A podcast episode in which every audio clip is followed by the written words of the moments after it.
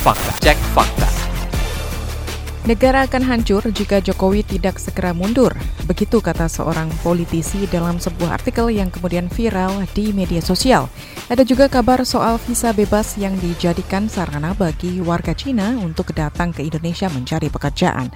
Satu lagi kita mau bahas juga viralnya foto Ormas FPI yang diklaim sedang bantu bencana erupsi di Tangkuban Perahu. Kembali bersama Direktur Fact Checker Masyarakat Anti Fitnah Indonesia Mafindo, Ariwibowo Sasmito. Aribowo Sasmito. Saya Waidi Angga, inilah top 5 hoax of the week yang dikumpulkan pada 27 Juli hingga 2 Agustus 2019. Podcast ini bisa Anda simak di kbrprime.id setiap Senin dan di aplikasi podcast lainnya.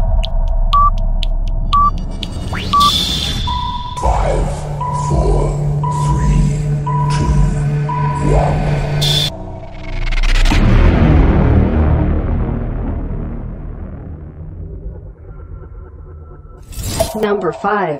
Urutan kelima ada politisi PDIP yang menyebut negara akan hancur jika Jokowi tidak segera mundur. Akun Facebook at supli.rahim.3 membuat unggahan yang menampilkan screenshot dari berita media daring rmol.id yang berjudul Politisi PDIP titik 2 negara akan hancur bila Jokowi tidak segera mundur. Dalam unggahannya, akun @supli.rahim.3 menambahkan narasi ini baru benar. Tulisnya yang dibagikan di grup Facebook tim pemenangan Prabowo Subianto Sandiaga Uno. Namun setelah dilakukan penelusuran oleh tim fact checker, faktanya adalah seperti apa Mas Ari? Ya, uh, faktanya adalah ini termasuk ke manipulated content atau konten yang dimanipulasi. Jadi biasanya ini termasuk kategori yang ini Mbak uh, cukup tidak terlalu apa ya, tidak terlalu susah untuk dikasih tahu ke orang karena uh, ini screenshot atau tangkapan layarnya ini adalah hasil editan. Jadi kan kalau kita membicarakan modus uh, pelintiran yang menggunakan pelintiran 5W1H uh, misalnya false contact gitu ya itu kan uh, cukup susah untuk ngasih tahu orang bahwa uh, ini kejadiannya ada foto tidak diedit. Nah, masalahnya di apanya? Nah, kalau kalau manipulated konten atau konten yang dimanipulasi ini lebih mudah karena orang cukup paham bahwa oh ini salah karena kontennya dimanipulasi begitu. Jadi memang uh, ini modus klasik bahwa um, ya judulnya disunting-sunting dari JavaScript-nya uh, di di istilahnya disunting dilihat source JavaScript-nya lalu setelah itu diambil tangkapan layar Uh, padahal uh, rmol.co.id rmol.co.id ini tidak membuat berita dengan judul tersebut. Judul aslinya adalah uh, PDI politisi PDIP bangsa ini akan gagal kalau tidak rekonsiliasi. Jadi uh, apa ya? Yaitu uh, judulnya disunting gitu. Oke. Manipulated content. Ya. Dan ya. ini masuk peringkat 5 karena responnya ada lebih dari 120 respon ya Mas ya? Iya, viewsnya terlalu ini. Mungkin sudah pada apal dengan modusnya, Pak. Tapi viewsnya hampir hampir sepuluh ribu ya mas ya iya Dilihat. Uh, dilihatnya hmm. jadi istilahnya ah cuma ngeliat doang udah udah sering ngeliat kayak begini bosen ya begitu oke okay. number four peringkat nomor empat ini ada di bawah tangan Anis DKI Jakarta berhasil swasembada eceng gondok begitu nah ini berasal dari akun Arif Wongso mengunggah foto yang dilengkapi dengan narasi berbunyi di tangan dingin Pak Ed Anis Baswedan dalam waktu kurang dari satu tahun DKI Jakarta berhasil swasembada eceng gondok kualitas super. Inilah bukti kehebatan Pak Anies. Nikmat apa lagi yang engkau dustakan wahai warga Jakarta. Postingannya sudah dibagikan lebih dari 600 kali pertangkapan layar dibuat. Ya. Begitu. Nah, uh, penelusurannya seperti apa Mas? Masalah yang ditemukan dalam postingan ini? Nah, uh, pertama ini dari cara penulisannya saja sudah salah Mbak ya. Eceng hmm. gondok yang artinya uh, hasil periksa faktanya karena menyal, judul itu menyalin dari klaim atau narasi dan dikasih teks salah itu maksudnya bahwa uh, post ini salah dan klaim ini adalah salah begitu ya. Jadi bukan judul postnya yang typo tapi dari sumbernya memang tulisannya begitu. Karena kan ada orang yang suka nanya ini uh, hasil periksa faktanya Mafindo ini kok nggak pakai KBBI atau ada typo atau apa itu bukan typo karena menyalin apa adanya dari sumber gitu ya jadi uh, dikhawatirkan kalau typonya dikoreksi nanti dibilang beda lagi. No, ini kok hasil hasil narasinya disunting, di diedit gitu. Jadi memang apa adanya seperti itu. Nah, uh, ini sendiri si si uh, tadi uh, Enceng Gondok ini memanfaatkan uh, pelintiran yang sudah lama sudah hampir setiap hari muncul menggunakan teknik uh, konten yang salah, false context gitu ya. Bahwa sebetulnya ini sumber gambarnya memang betul ada, kejadiannya ada, lokasinya betul, peristiwanya ada, tetapi um, dari sisi kalau 5W1A kita ambil dari when-nya. Uh, sorry, dari where, dari di mananya. Oke, lokasi. Lokasinya sebetulnya itu terjadinya bukan di Indonesia tapi jauh di sana, di Brazil. Bukan Jakarta. Bukan Jakarta. Jadi dari sisi uh, where lokasinya ini sudah salah. Uh, bahannya itu mengambil dari jadi ada video waktu itu di kota namanya Itabuna hmm. itu di di negara Brasil gitu ya. Itabuna itu ada di munisipalitas Bahia namanya okay. uh, di kota Itabuna ada uh, acara pembersihan enceng gondok kalau disebutnya sih nggak tahu enceng gondok atau bukan tapi bahasa uh, luar negerinya itu yang saya lupa juga ya intinya pohon yang merambat gitu ya. Pohon yang merambat uh, ini bahannya dari video YouTube yang dipost lalu diambil uh, tangkapan layar atau screenshot gitu. Uh, dan pas ketika dicek uh, memang ada laporan juga dari beberapa warganet bahwa ini sebetulnya uh, kejadiannya bukan di Indonesia di Brasil tapi Brasil tepat di mananya tidak disebutkan. Nah pas dicek ternyata memang uh, berdasarkan petunjuk kecil itu ada ada logo yang agak samar tapi saya, saya beberapa kali nyari uh, nyari sumbernya ternyata di situ tertulis Itabuna. Nah dari Itabuna itu mulai bisa dicari-cari-cari ternyata Itabuna lokasinya di uh, itu di Brazil. Memang peristiwanya ada waktu itu yaitu uh, pembersihan uh, pembersihan eceng gondok ini tumbuhan merambat gitu ya. Dan ini dibuktikan dengan uh, itu kan di fotonya di tangkapan layar itu ada gedung yang uh, apa warnanya uh, apa ini merah dan ada semacam struktur yang yang berwarna hijau gitu pas dicek lewat Google Street View ya memang itu uh, lokasinya di uh, kota Itabuna di Brazil gitu. Okay. Jadi secara lokasi ini udah salah menyebut bahwa kejadian ini di Jakarta gitu. Oke, peristiwa betulan ada tapi bukan di Jakarta, begitu yeah, ya. Betul. Number three. Beralih ke peringkat nomor tiga, UNESCO nyatakan Islam agama paling damai sedunia. Uh, ini beredar artikel dengan judul Setelah pelajari semua agama, UNESCO nyatakan Islam agama paling damai sedunia. Artikel ini berasal dari situs islamidia.com. Penelusuran tim Cek Fakta Mavindo, ini apa saja temuan atas uh, artikel ya?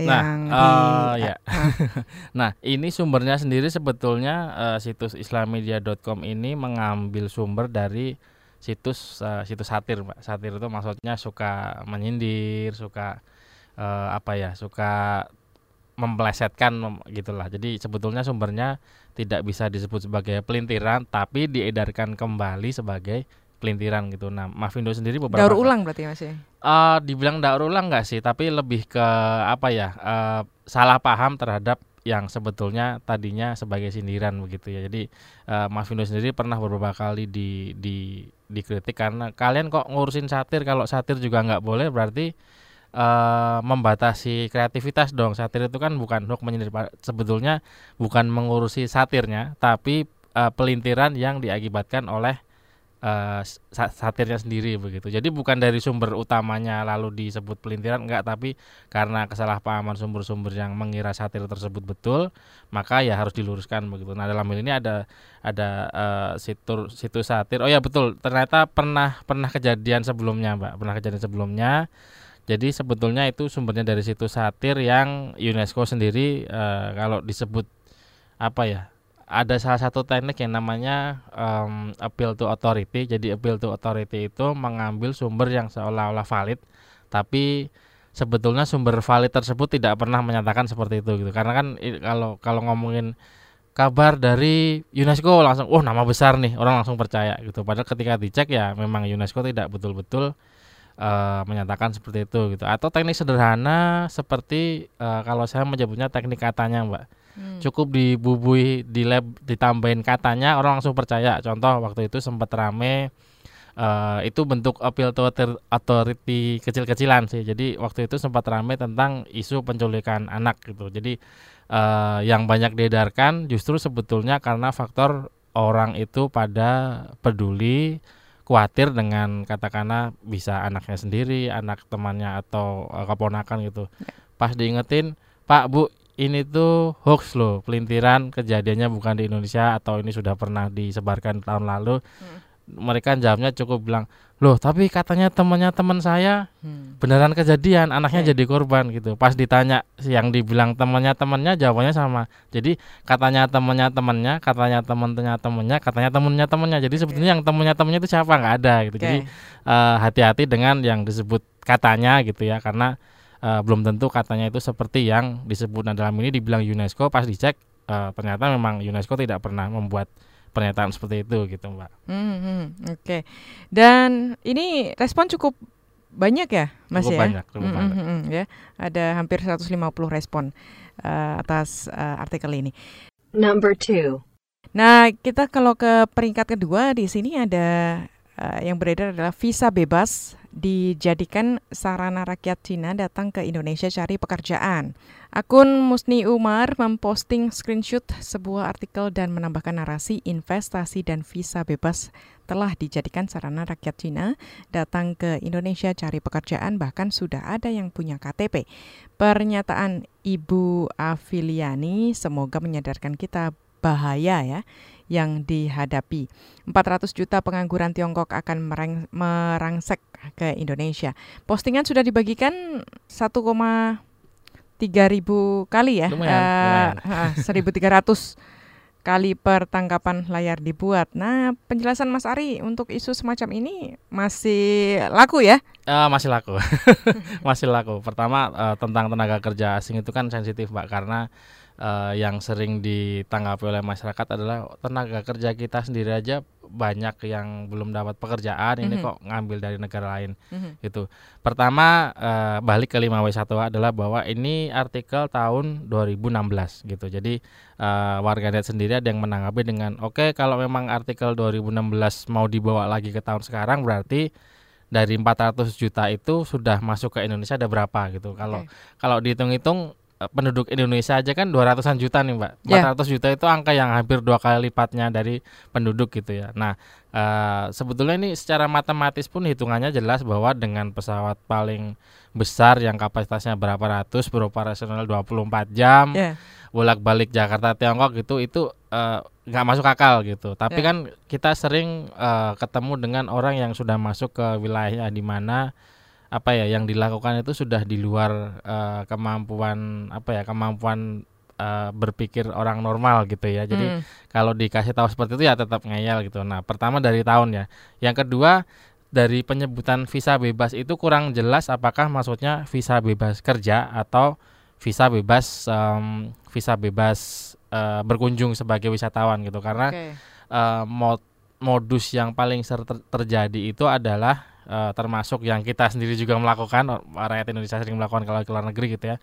Masuk sebagai wisatawan Hmm. lalu overstay, tinggal melebihi ketentuan kerja gitu. Iya. Nah, kalau wisatawan itu kan batasnya 30 hari dan ini sudah beberapa beberapa kali kejadian eh, operasi gabungan dari aparat yang terkait itu datang ke lokasi pas dicek dia memang overstay gitu, Hmm. masuk sebagai turis yang memang eh apa ya kondisi ini cukup diperparah karena eh, ada banyak negara yang sekarang ini untuk masuk ke Indonesia sebagai turis bebas gitu. Ya. Jadi 30 hari sebagai turis bebas masuk. Nah, eh, kalau ingat ada satu ar- ah, penyanyi terkenal eh, Christian Bautista misalnya atau waktu itu terjadi di ke Leonardo DiCaprio bahwa mereka datang sebagai wisatawan tapi aktivitasnya kerja gitu. Jadi Hmm. kalau memang ketahuan eh, oleh imigrasi dan yang terkait itu akan ditindak tapi masalahnya adalah untuk yang TKA Cina ini mereka datangnya ke daerah yang eh, masyarakat lokalnya itu mirip karena faktor nenek moyangnya itu dari eh, dari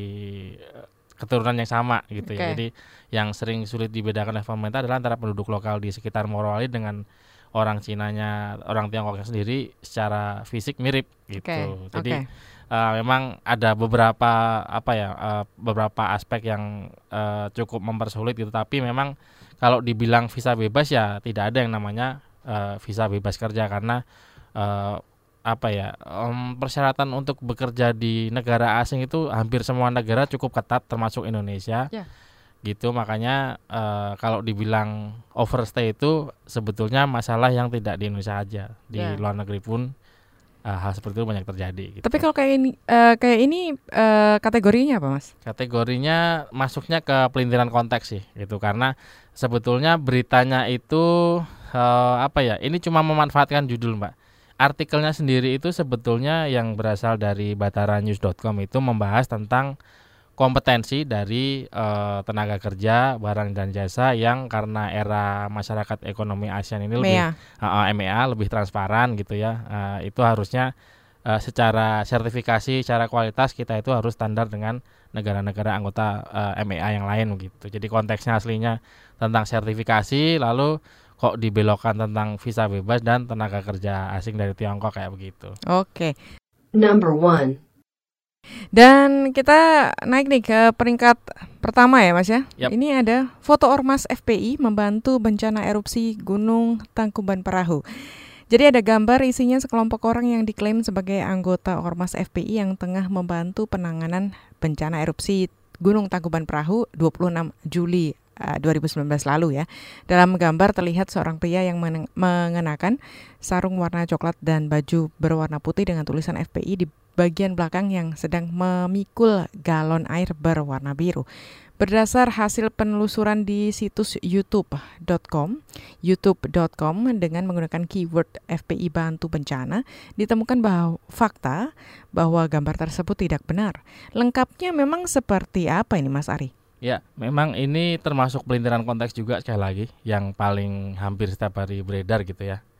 Em, sebetulnya eh, ini tidak membahas apakah FPI betul turun di lapangan atau tidak, tapi yang sering terjadi di post yang sep- temanya seperti ini adalah sebetulnya cuma membicarakan bahwa foto ini aslinya di kejadian ini di tanggal ini peristiwa ini tapi di diunggah ulang lalu dikasih narasi yang berbeda yang tidak sesuai gitu. Jadi eh, biasanya eh, ini antara warganet netizen sendiri lalu di komentar gontok-gontokan gitu ya.